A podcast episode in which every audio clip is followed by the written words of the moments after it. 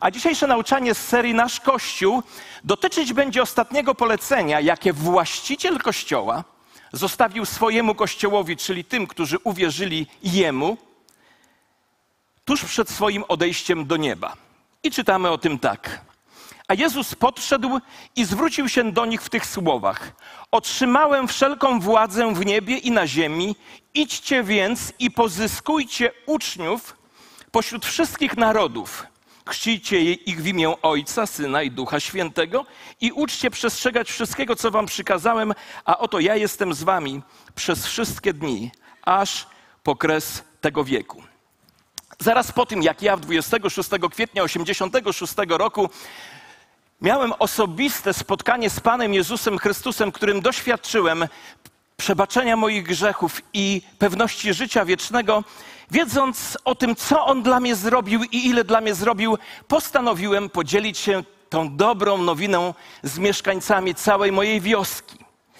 A ówczesna moja wiedza na temat Jezusa, Ewangelii i ewangelizacji mogła zostać w tym momencie porównana do wiedzy, jaką miał pewien człowiek opisany w Ewangeliach, którego Jezus uzdrowił, y, któremu Jezus przywrócił y, wzrok. Ten człowiek, jego cała wiedza sprowadzała się do takiego zdania: Wiem jedno, byłem niewidomy, a teraz widzę. I choć moja wiedza była właśnie taka, to taka mała wiedza, zbudowana na osobistym doświadczeniu żywego Jezusa, nie była dla mnie przeszkodą w tym, by podzielić się tymi wszystkimi rzeczami, które doświadczyłem z mieszkańcami znanej na całym świecie wioski Gąsocin. To jest część mojej ewangelizacji. Słuchajcie, okazało się, że mieszkańcy mojej wioski oglądają nabożeństwa nasze, co mnie cieszy. Wynająłem więc Wynająłem remizę strażacką, przywrozłem projektor z Warszawy oraz dwa filmy, Krzyż i Sztylet, film Jezus i po każdym seansie przez dwa dni opowiadałem o tym wszystkim, co Jezus dla mnie zrobił. Słuchajcie, uczestniczyło wiele osób, ponieważ wszyscy wiedzieli, że coś mi się pokręciło w głowie na punkcie religii, więc chcieli zobaczyć tego dziwaka. Ale dla mnie to była okazja, żeby podzielić się e, Ewangelią. I powiem wam, że do dzisiaj, mimo że minęło od tego momentu 37 lat, Zdarza mi się spotykać ludzi, którzy mówią: Pamiętamy to wydarzenie i je dobrze wspominają. A ja myślę, że czasami boimy się spróbować dzielić Ewangelią, ponieważ uważamy, że mało wiemy. A jeśli otwierasz swoje usta, by dzielić się Chrystusem, to prawda Bożego Słowa, która brzmi: Otwórz swoje usta, a ja je napełnię, sprawdzi się w Twoim życiu. Prawda jest taka, że my wszystko zbytnio komplikujemy. Bo przecież jeśli miałeś osobiste doświadczenie żywego Jezusa, to wiesz i masz wystarczająco dużo wiedzy i doświadczenia, by podzielić się tym ze swoimi znajomymi. Ale my przede wszystkim boimy się spróbować. Boimy się, że poniesiemy jakąś porażkę albo że zostaniemy ośmie, oś, e, ośmieszeni. Boimy się, bo to takie niewygodnie, niewygodne. Czasami w cudzysłowie boimy się odnieść, że nie odniesiemy sukcesu. Dlatego dzisiaj, w odniesieniu do tego polecenia, które Pan Jezus zostawił Kościołowi, nazwijmy to szumnie ewangelizacją, porozmawiamy o tym, kto, gdzie, komu, dlaczego i co. A tytuł mojego kazania brzmi: Podaj dalej. Bo chcę dzisiaj nam wszystkim rzucić wyzwanie do dzielenia się swoją wiarą, ponieważ wierzę, że Bóg może mnie i Ciebie użyć, aby pozyskać inne osoby dla Jezusa Chrystusa, tak jak Ty kiedyś zostałeś, zostałaś pozyskana. Pomyślcie przez chwilę. Dlaczego Pismo Święte, dlaczego Jezus miałby nam nakazywać, dzielenie się Ewangelią, skoro nigdy nie moglibyśmy odnieść w tej dziedzinie tak zwanego sukcesu. W Księdze Przypowieści Salomona w jedenastym rozdziale czytamy kapitalny wiersz. Owocem sprawiedliwego jest drzewo życia, a kto zdobywa duszę, jest mądry. A wiersz, którym, który od lat jest moim życiowym mottem, zapisany w księdze Daniela brzmi tak. Roztropni jaśnieć będą jak jasność na sklepieniu niebiańskim, a ci, którzy wielu wiodą do sprawiedliwości, jak gwiazdy na wieki wieczne. Chcę być gwiazdą, nie wiem jak wy, ale ja chcę być gwiazdą, która z powodu dzielenia się Ewangelią lśni na wieki wieczne.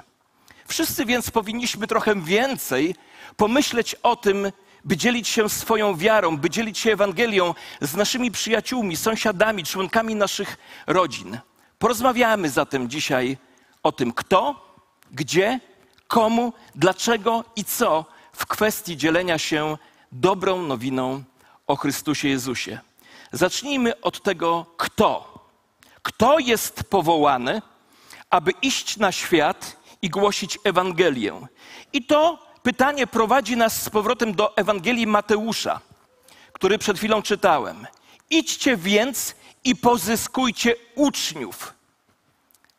W języku oryginalnym słowa Mateusza skierowane są do wszystkich. Inaczej mówiąc, te słowa mogłyby być przetłumaczone tak. Każdy z moich naśladowców, mówi Jezus, niech idzie na cały świat. Każdy z moich naśladowców. Inaczej mówiąc, dzielenie się Ewangelią nie należy tylko do tak zwanych profesjonalistów.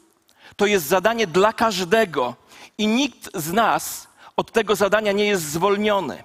I posłuchajcie, wiem, że w dzisiejszych czasach takie rzeczy trzeba mówić bardzo delikatnie.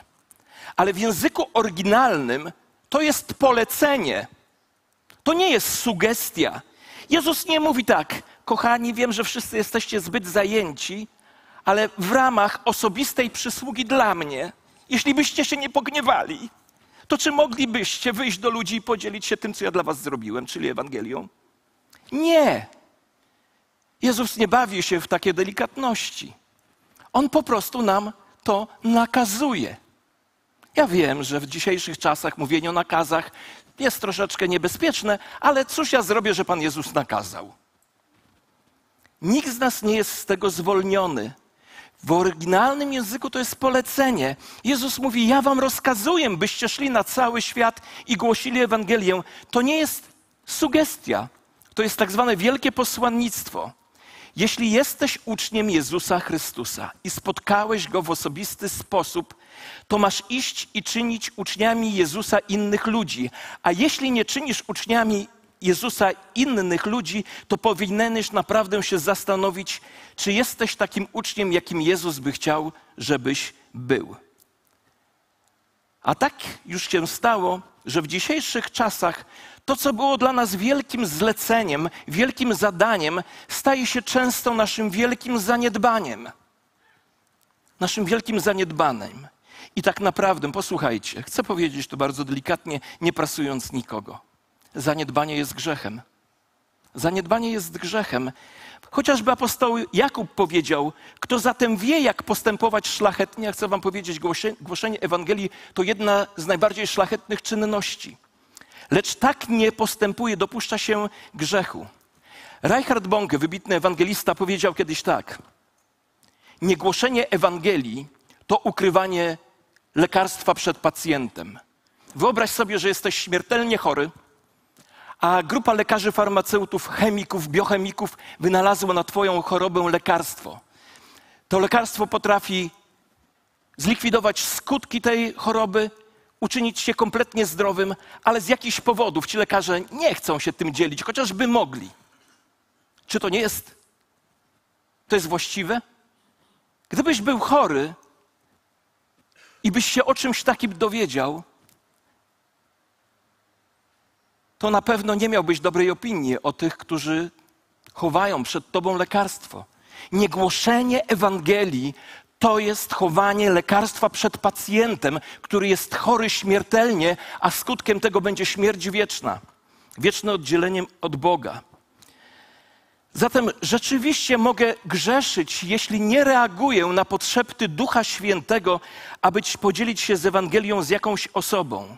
Ja nie próbuję na siebie i na Was zrzucać poczucie winy, ale chcę w dalszej części powiedzieć nam i sobie przypomnieć, jak ogromną radością jest dzielenie się z innymi Ewangelią, bo dobrze wiem z własnego doświadczenia, że tak to jest, że to jest radość. A najtrudniejszą rzeczą w ewangelizacji, w dzieleniu się tym, co doświadczyliśmy z Jezusem, jest po prostu rozpoczęcie. Ale kiedy już rozpoczniesz, to wiem, że Jezus zacznie przemawiać przez ciebie. A wtedy ta myśl, że wszechmogący Bóg będzie przemawiał przez kogoś takiego jak ty czy ja, może być jedną z najradośniejszych rzeczy, jaką kiedykolwiek doświadczyłeś. Czasami oczekujemy cudu. Modlimy się o cuda. Wiecie, cuda generalnie są przypisane ewangelizacji. A wielkim cudem jest to, że jak zaczynasz mówić Ewangelię, choć niewiele wiesz, nagle jesteś zaskoczony tym, co mówisz, bo to Jezus, który jest w tobie, przemawia przez ciebie i doświadczasz ogromnej radości.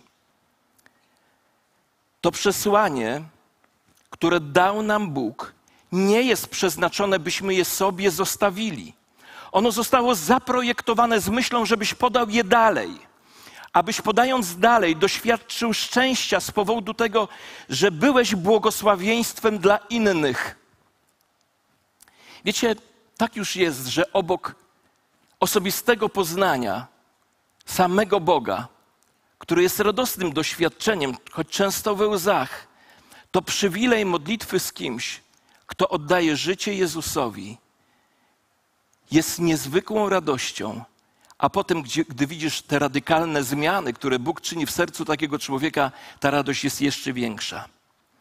A kiedy będziesz Ewangelię przekazywał dalej, to przekonasz się, że Bóg będzie Tobie jeszcze bardziej błogosławił. Bo ten, kto pokrzepia, sam będzie pokrzepiony, sam dozna pokrzepienia, a ten, kto odświeża, sam będzie odświeżony. Prawda jest taka, ludzie mówią, ale ja nie jestem ewangelistą. Wiecie, jak czytam Biblię, to odkrywam, że pierwszym zadaniem ewangelisty to jest przygotowanie ludzi, by byli y, ewangelistami, by dzielili się świadectwem, a nie po to, żeby ich zastąpić w tym dziele, do którego każdy jest powołany. Na nasze pytanie, kto jest powołany, aby iść na cały świat i głosić Ewangelię, Jezus odpowiada: każdy z moich naśladowców. A teraz gdzie mamy głosić Ewangelię? I Jezus im powiedział: idźcie do najdalszych zakątków świata i głoście tam dobrą nowinę. Inaczej mówiąc, głosić Ewangelię mamy wszędzie. Czy wiecie, gdzie najlepiej zacząć, aby dotrzeć do najdalszych zakątków z Ewangelią? Najlepiej zacząć od swojej okolicy, od swojej rodziny, od swoich przyjaciół, w swoim miejscu pracy czy szkole. Bo to jest świat, do którego Bóg Ciebie powołał, to jest Twój zakątek. A kiedy zaangażujesz się w pomaganie innym przychodzić do Chrystusa, Twoje życie zostanie odświeżone radykalnie. A kiedy zyskujesz nowego wierzącego w Jezusa, to jest dla Ciebie ogromnym błogosławieństwem. To jest także lekarstwo na wszechobecną duchową oschłość. Jeśli mówisz, nie widzę Boga w działaniu, to zacznij dzielić się Ewangelią, a zobaczysz, jak Bóg działa. A zobaczysz, jak Bóg działa bo On swoje słowo potwierdza znakami i cudami i różnego rodzaju przejawami mocy. Opowiedziałem wam, jak wynająłem remizę, by powiedzieć e, Ewangelię mieszkańcom mojej wioski. A teraz chciałem się podzielić tym, jak opowiedziałem Ewangelię całej mojej rodzinie. Wiecie, jak ja się nawróciłem, to niektórzy w rodzinie myśleli, że coś mi się stało z moją głową, że jestem chory umysłowo, coś się zakręciło, na punkcie religii mu odbiło i tak dalej. To był rok 1989 i ku mojemu zdziwieniu zostałem zaproszony do pierwszego programu Polskiego Radia, bo podczas audycji rzymskokatolickiej opowiedzieć o chrzcie Jezusa. To było dla mnie zaskoczeniem. To dopiero programy yy, takie jak właśnie msze, nabożeństwa, jakiegoś takiego typu religijne spotkania, dopiero miały swój początek na antenach Polskiego Radia. No a ja zostałem zaproszony. Ale to były też czasy, kiedy większość ludzi, w tym moja rodzina, słuchała radiowej jedynki. I jak już mówiłem, w opinii i części rodziny i mieszkańców mojej wioski, uchodziłem za człowieka, któremu pokręciło się w głowie, a tu nagle Krzyś z Gąsocina przemawia na antenie pierwszego programu Polskiego Radia w audycji rzymskokatolickiej. I powiem wam, to mnie uwiarygodniło. A kilka dni po tej audycji odbywał się pogrzeb mojego dziadka. Tata mnie poprosił, bym podziękował wszystkim obecnym w tej uroczystości. Uczyniłem to. I dziękując wszystkim, opowiedziałem Ewangelię o Panu Jezusie Chrystusie i gdyby nie moja żona stojąca za mną, wpadłbym do grobu mojego dziadka, tak się nakręciłem. Ale od tamtej pory, od tamtej pory stałem się rodzinnym kaznodzieją pogrzebowym, ponieważ mnie o to proszą. A raz nawet prowadziłem ceremonię tak zwaną świecką na pogrzebie jednego człowieka z ateistycznej części mojej rodziny. I powiem wam, że uroczystości pogrzebowe są jednym z moich ulubionych zakątków, gdzie głoszę Ewangelię. Więc na pytanie, gdzie więc mam głosić Ewangelię, Jezus odpowiada wszędzie. Nie ma złych miejsc do głoszenia Ewangelii. Komu? Komu głosić Ewangelię? Głoście dobrą nowinę wszystkim bez wyjątku. W zasadzie to pytanie trzecie jest nierozerwalnie związane z tym pytaniem drugim, bo jeśli mamy głosić Ewangelię wszędzie, to znaczy, że wszystkim. Ja jednak oddzieliłem to od siebie, by uzmysłowić nam, jak dla Boga jest cenny każdy człowiek, bo Bóg chce, aby wszyscy byli zbawieni. To jest niesamowite. Bóg chce, aby wszyscy ludzie byli zbawieni. I chcę Ci powiedzieć, nawet ci, których nie lubisz, Bóg chce zbawić. Czy wiecie, co to znaczy wszystkich bez wyjątku?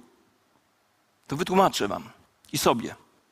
Wszystkim bez wyjątku to znaczy bez wyjątku wszystkim.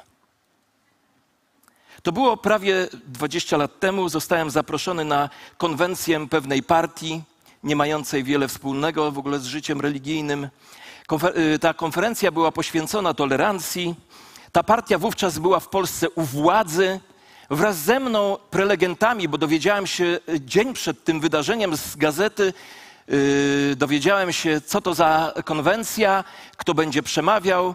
I było nas czwórka przemawiających ludzi. Byłem ja, był prze przedstawiciel yy, rodzącego się wówczas ruchu LGBT, była pani profesor, która reprezentowała środowiska agnos agnostyków, i był jeszcze jeden człowiek, którego już nie pamiętam.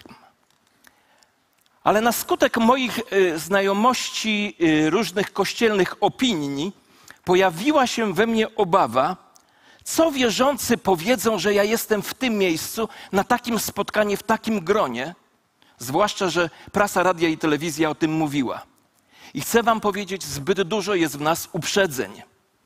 Żeby głosić Ewangelię wszystkim bez wyjątku, my w inny sposób musimy spojrzeć na ludzi. Gdybym powiedział Wam, jaka to była partia, chcę Wam tylko powiedzieć, powiedziałem całą Ewangelię, ale zaraz do tego dojdziemy. Apostoł Paweł mówi tak. Mówiąc o tym, że mamy spojrzeć inaczej na ludzi, apostoł Paweł mówi w liście do Koryntian tak. Dlatego już odtąd nikogo nie znamy według ciała. A jeśli znaliśmy Chrystusa według ciała, teraz Jego także nie znamy. Dlaczego On to mówi do nas? A mówi nam to dlatego, bo my mamy tendencję do patrzenia na ludzi przez pryzmat tego, co widzimy. Lubimy lub nie lubimy tego, jak oni wyglądają, lubimy, lubimy lub nie lubimy ich osobowości, lubimy lub nie lubimy to, co mają, potępiamy lub akceptujemy ich skłonności, poglądy, wygląd. Ludzie nas odpychają albo przyciągają ze względu na rzeczy fizyczne.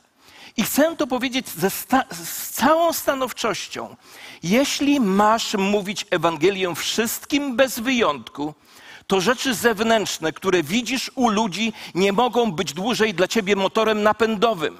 Nie znamy już ludzi, nie patrzymy na ludzi po cechach fizycznych, po tym, co mają, wiedzą po ich skłonnościach. Bo kiedy patrzymy na ludzi, to teraz w środku przede wszystkim widzimy dusze pragnące Boga, bo tak zostały ukształtowane, a nie tylko ciała. Patrzymy na wieczne przeznaczenie, a nie tylko na fizyczny kształt. Nie patrzymy na to, co zewnętrzne, ale zadajemy pytanie o to, co jest w środku, ponieważ w środku każdego człowieka jest dusza pragnąca duchowej rzeczywistości, czyli Boga. Jest dusza, która potrzebuje doświadczenia Boga i życia wiecznego. Nie możemy więc się uginać przed tym, co widzimy albo nie widzimy, albo mieliśmy nadzieję zobaczyć. To nie jest tylko prawdziwe, jeśli chodzi o Ewangelię, to jest prawdziwe dla większości naszego życia. Ale my cały czas tkwimy w fizyczności, co oznacza, że pomijamy duchowość, co oznacza, że pomijamy prawdziwą rzecz. I czy nie dlatego nie dzielimy się Ewangelią, bo się obawiamy, jak fizyczność zareaguje? Co pomyśli o mnie fizyczność? Kochani, my się odnosimy do ludzi na niewłaściwym poziomie. Nie patrzymy poza skórę i nie widzimy, że jest tam zakłopotana dusza. Wiecie, kiedy patrzyłem na relację z World Trade Center, z, z zamachu i widziałem ludzi wyskakujących z tego budynku, to zauważyłem dwie grupy ludzi. Część patrzyła, jak to by był film. Byli obserwatorami, jakby to był spektakl, ale była też inna grupa. Policjanci, strażacy, ratownicy medyczni. Oni byli tam dla jednego powodu, oni byli dla ratunku. Dlaczego? Bo patrzyli na rzeczy inaczej. Ponieważ oni wiedzieli niebezpieczeństwo, zagrożenie dla tych ludzi.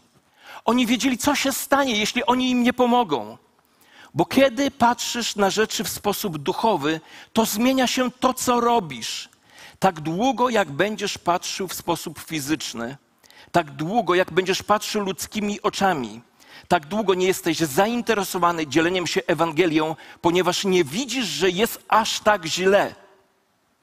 Kiedy patrzysz na to duchowo przez oczy Boga i rozumiesz, że kwestią jest życie i śmierć, to wtedy pilność przejmuje kontrolę. Dlatego ja jestem tak nakręcony na docieranie do ludzi. I przeraża mnie kościół, który jest tylko do wewnątrz. To już nie jest kościół. To jest klub wzajemnej adoracji. Z tego powodu też przestałem się przejmować opinią, gdzie głoszę, z kim jestem znajomy, bo w każdym, bez wyjątku, którego spotykam, jest dusza pragnąca Boga, a to pragnienie może tylko za, zapełnić, zaspokoić Chrystus Jezus i Jego Ewangelia. Więc wracam do mojej historii, konwencji, na którą zostałem zaproszony. Pomodliłem się więc do Boga, Boże, czym mam się podzielić podczas konwencji tej partii? A tematem była tolerancja. Stąd byłem w takim gronie. I to było zabawne, jak podczas modlitwy nagle przyszła mi taka myśl. Otwórz w słowniku definicję tolerancji. No, gdybym usłyszał otwórz w Biblię, to bym pomyślał, że to było od Boga. Ale usłyszałem wewnątrz, zajrzyj do słownika, co to znaczy tolerancja. I to zrobiłem. I przeczytałem taką definicję tolerancji. Tolerancja to jest dopuszczalne odchylenie od normy. Więc, żeby mówić o tolerancji, trzeba znać normy. I ja od tego tam byłem. Nie zdradzę wam, jaka, jaka to była partia. Tym razem weszła do Sejmu też. Nie chcę, żebyście wiedzieli. 300 delegatów. Agent 07 zgłoś się w pierwszym rzędzie, już nieżyjący i opowiedziałem o normie, którą jest Jezus Chrystus. Bo to było moją odpowiedzialnością. A moje przemówienie innych prelegentów zostało nagrane i wysłane do wszystkich członków do kogo, w całym kraju, do kogo mieli tylko maile. Jedna z moich największych ewangelizacji w tamtych czasach. Więc na nasze pytanie, komu mamy opowiadać Ewangelię, to odpowiedź brzmi wszystkim bez wyjątku. Wszystkim bez wyjątku. Dlaczego głosić? Dlaczego my, ludzie wierzący w Chrystusa, mamy głosić Ewangelię? A mamy głosić Ewangelię dlatego, że Bóg nie wystawił swojej twarzy z niebios i powiedział: Hej, ludziska, oto jestem, jestem Bogiem, uwierzcie we mnie. Nie wysłał też legionów aniołów, żeby głosili Ewangelię, bo Bóg do głoszenia Ewangelii powołał tych, do których ją skierował, a którzy osobiście jej doświadczyli, czyli nas, wierzących Jezusowi ludziom. Apostoł Paweł mówi to bardzo prosto. Zbawiony będzie każdy, kto wezwie imienia Pana. Jak jednak mają wzywać, skoro w Niego nie uwierzyli? A jak uwierzyć, skoro Go nie słyszeli? A jak usłyszeć bez, kogo, bez kogoś, kto głosi? Wiecie, w ósmym rozdziale dziejów apostolskich jest taka historia. Podróżuje do Jerozolimy, już z Jerozolimy podróżuje Y, minister finansów królowej etiopskiej Kandaki. Na dodatek jest on eunuchem, co warto pamiętać. Pojechał do Jerozolimy, by tam spotkać się z żywym Bogiem i spotkał się tylko z martwą religią. ale tak się złożyło, że zdobył w jakichś okolicznościach zwój księgi Izajasza i właśnie ją czytał, siedząc na, w swoim rydwanie. Minister finansów potężnej królowej. Czytał i niczego nie pojmował. W tym czasie Bóg posłał ewangelistę Filipa, który dosiadł się do jego wozu, a mógł mieć uprzedzenia. Mógł mieć uprzedzenia natury religijnej, narodowościowej i też swojego podejścia do ludzi o dziwnych, dziwnej, nie do końca wyrażonej płci. To był eunuch. Ale on się nie przejmował tym, bo w środku tego człowieka on nie patrzył na niego fizycznymi oczami. Tam w środku była dusza pragnąca Boga. Dosiadł się do niego i ten dialog jest niezwykły. W pewnym momencie zapytał go, co czytasz? No, czytam proroka Izajasza, a czytał fragment o cierpiącym Mesjaszu. Więc Filip mówi, a rozumiesz, co czytasz? I teraz posłuchajcie, co ten eunuch odpowiedział. Jakże bym miał rozumieć, jak nie ma nikogo, kto by mnie wytłumaczył? I Filip był po to, żeby mu wytłumaczyć. A gdy. I nie czytamy o tym, o czym rozmawiali, tylko jest napisane, że od tego momentu, od tego fragmentu Biblii Filip mu głosił dobrą nowinę o Jezusie. I w pewnym momencie zajechali nad wodę, i to eunuch zadał Filipowi pytanie: Oto woda. Cóż stoi na przeszkodzie, żebym został ochrzczony? I Filip mu odpowiedział: Jeśli wierzysz z całego serca, możesz. Musieli więc rozmawiać o chrzcie, bo chrzest jest na tyle ważny, że trzeba o nim rozmawiać. A reakcja była taka, że to nie Filip go naciska, weź się ochrzcić człowieku, tak jak ja nieraz to robię. Tylko ten człowiek spotkał Jezusa i miał pragnienie, bo jeśli spotkałeś Jezusa, usuń te wszystkie przeszkody i jeszcze dziś możesz wyznać swoją wiarę w chrzcie, do czego nie, na, mocno nie naciskam. I powiem wam, ten e, eunuch został poruszony, został yy, dotknięty przez Boga, ochrzczony, spotkał Jezusa i wracał radosny do domu. I powiem wam, tego właśnie dzisiaj szukają ludzie. Szukają kogoś, kto im wskaże drogę, a większość z nas ma podstawową wiedzę o wierze i mogłaby tym ludziom pomóc. Zobaczcie, ewangelista Filip mógł mieć wiele wymówek. Nie ta narodowość płecznie taka dziwaczna jakaś, religijna pozycja społeczna. Mógł powiedzieć, o masz, minister finansów, cóż ja mogę mu powiedzieć, jak on ma wszystko, tak jak my nieraz myślimy ale on wiedział, że tam w środku jest dusza krzycząca o Ewangelię. I dzisiaj wokół nas jest wielu ludzi, którzy czekają, aż ktoś zaryzykuje i, opowie, i odpowie na krzyk ich duszy. I posłuchajcie tego uważnie. Głównym sposobem, jaki Bóg wybrał, by przekazać Ewangelię, to sposób werbalny, ustny. Nie czekaj więc, jak ktoś cię zapyta, podejmij inicjatywę.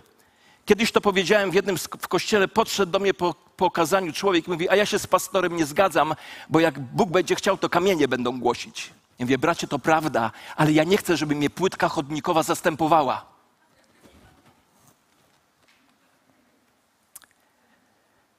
Posłuchajcie to, co mówi apostoł Paweł. Skoro świat przez swoją mądrość nie poznał Boga w jego boskiej mądrości, spodobało się Bogu zbawić wierzących przez głoszenie głupiego poselstwa. To jest szalony plan. Nie wiem, dlaczego Bóg miałby posługiwać się ustnym przekazem, ale on się nim posługuje. Wiecie, wiele lat temu mój kolega zaprosił nas na swój ślub. A w związku z tym, że w ówczesnych czasach zajmował bardzo wysoką pozycję w rządzie polskim, na ślubie byli politycy, dziennikarze, potem byliśmy na weselu, nas umieścił akurat z moją żoną w, tym, w tej e, części politycznej.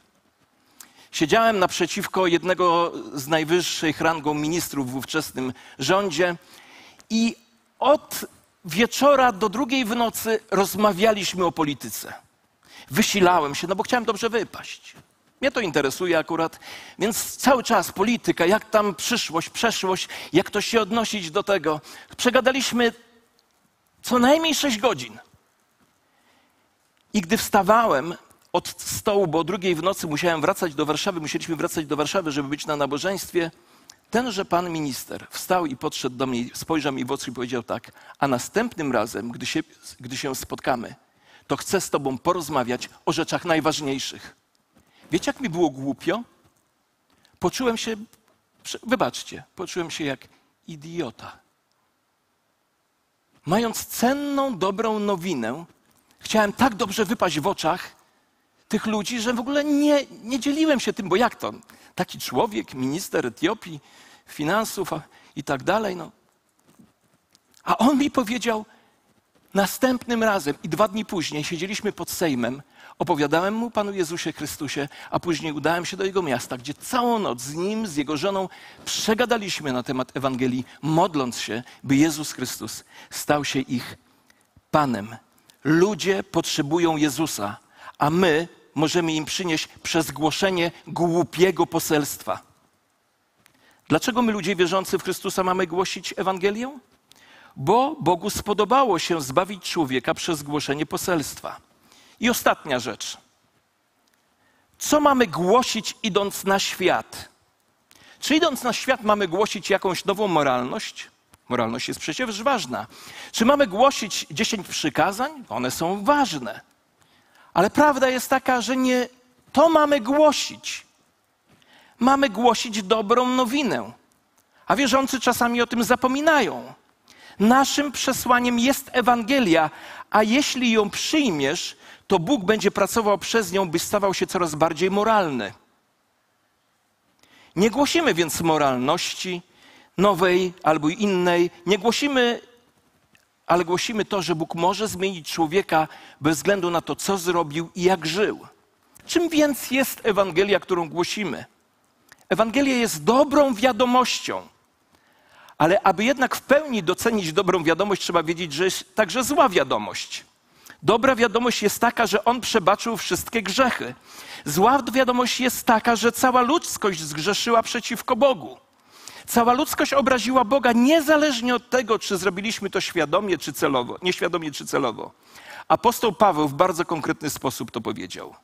Nie ma przy tym wyjątków. Wszyscy zgrzeszyli i są pozbawieni Bożej chwały. A apostoł Jan dodaje, jeśli zaprzeczamy, że popełniliśmy grzech, sami siebie oszukujemy, jesteśmy dalecy od prawdy. Czasami ludzie mówią, ja potrzebuję tylko przestrzegać dziesięciu przykazań, jak będę przestrzegał dziesięć przykazań, to Pan Bóg weźmie mnie do nieba. A gdy ich zapytasz o treść dziesięciu przykazań, to nie są w stanie ich wymienić. A gdy się ich jeszcze skonfrontuje, skonfrontuje z dziesięcioma przykazami, każdego z nas, mnie także, to okazuje się, że większość z nich przekroczyliśmy. Wiecie, przykazania są ważne, ale nie zostały one nam dane po to, żebyśmy byli sprawiedliwi.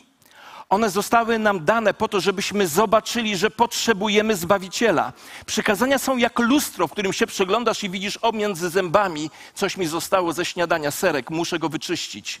I, to, I on cię prowadzi do miejsca, lustro cię prowadzi do miejsca oczyszczenia. Także przykazania prowadzą nas do miejsca oczyszczenia, a tym oczyszczeniem jest tylko Chrystus Jezus i to, co dla nas zrobił. Tak więc prawo było naszym przewodnikiem do Chrystusa, abyśmy zostali usprawiedliwieni na podstawie wiary.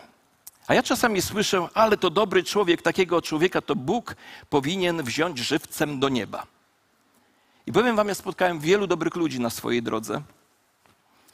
Często spotkałem bardzo dobrych ludzi niewierzących, lepszych czasami od nas, od, ode mnie samego. Ale Biblia mówi, że na świecie nie ma ani jednego człowieka, który by spełnił słuszne, sprawiedliwe Boże standardy, Boże wymagania. Nawet najlepsi z nas ciągle upadamy i właśnie tutaj wkracza Jezus, który jako jedyny miał kwalifikacje do wypełnienia luki między świętym Bogiem a bezbożną, grzeszną ludzkością. A wszystko to jest z Boga, który nas pojednał ze sobą przez Chrystusa i zlecił nam posługę pojednania. To znaczy, że Bóg w Chrystusie świat z sobą jedna, nie poczytając ludziom ich upadków, a nam powierzył słowo pojednania. I to jest wspaniałe przesłanie, które dał nam Bóg, abyśmy mogli dotrzeć do ludzi. A to, że Chrystus jest jedynym sprawiedliwym wobec Boga, to nie podlega yy, dyskusji, to nie podlega negocjacjom. On jest drogą do Boga Ojca i tego zmieniać się nie da. On powiedział: Ja jestem drogą, prawdą i życiem. Nikt nie przychodzi do Boga inaczej jak przeze mnie. A w dziejach apostolskich czytamy: Nie ma w nikim innym zbawienia, gdyż nie dano ludziom innego imienia pod niebem, w którym moglibyśmy być zbawieni. Dlaczego?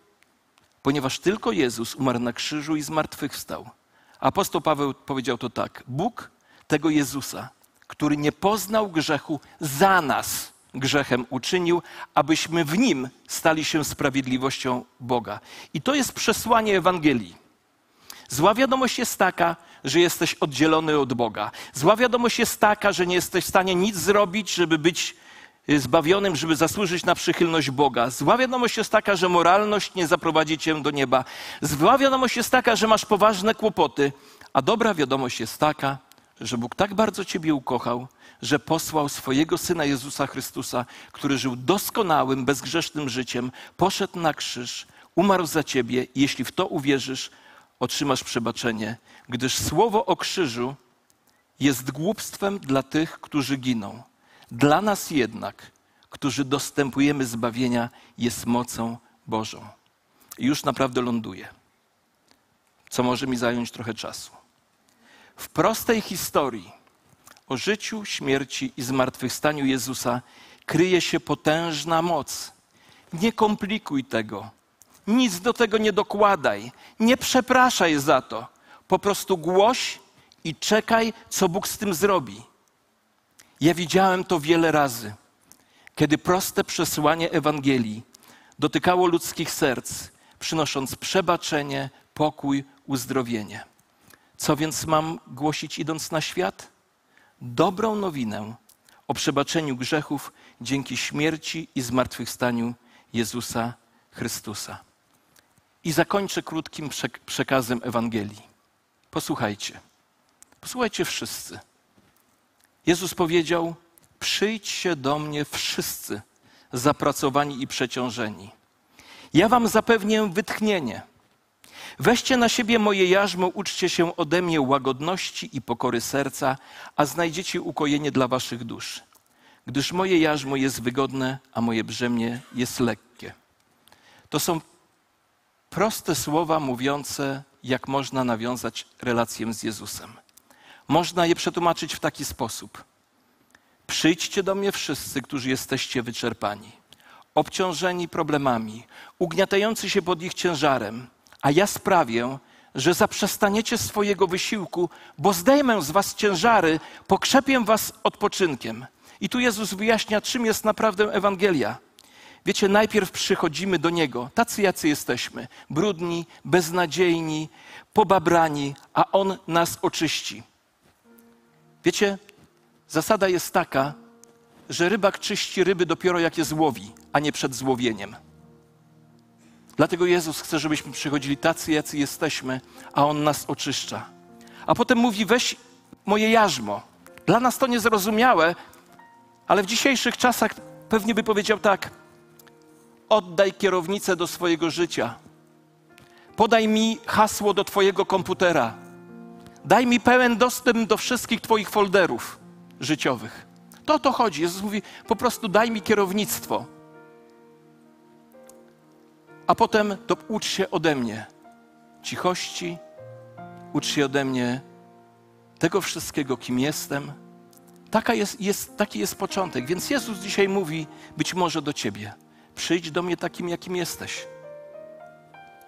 Oddaj kluczyki do swojego życia.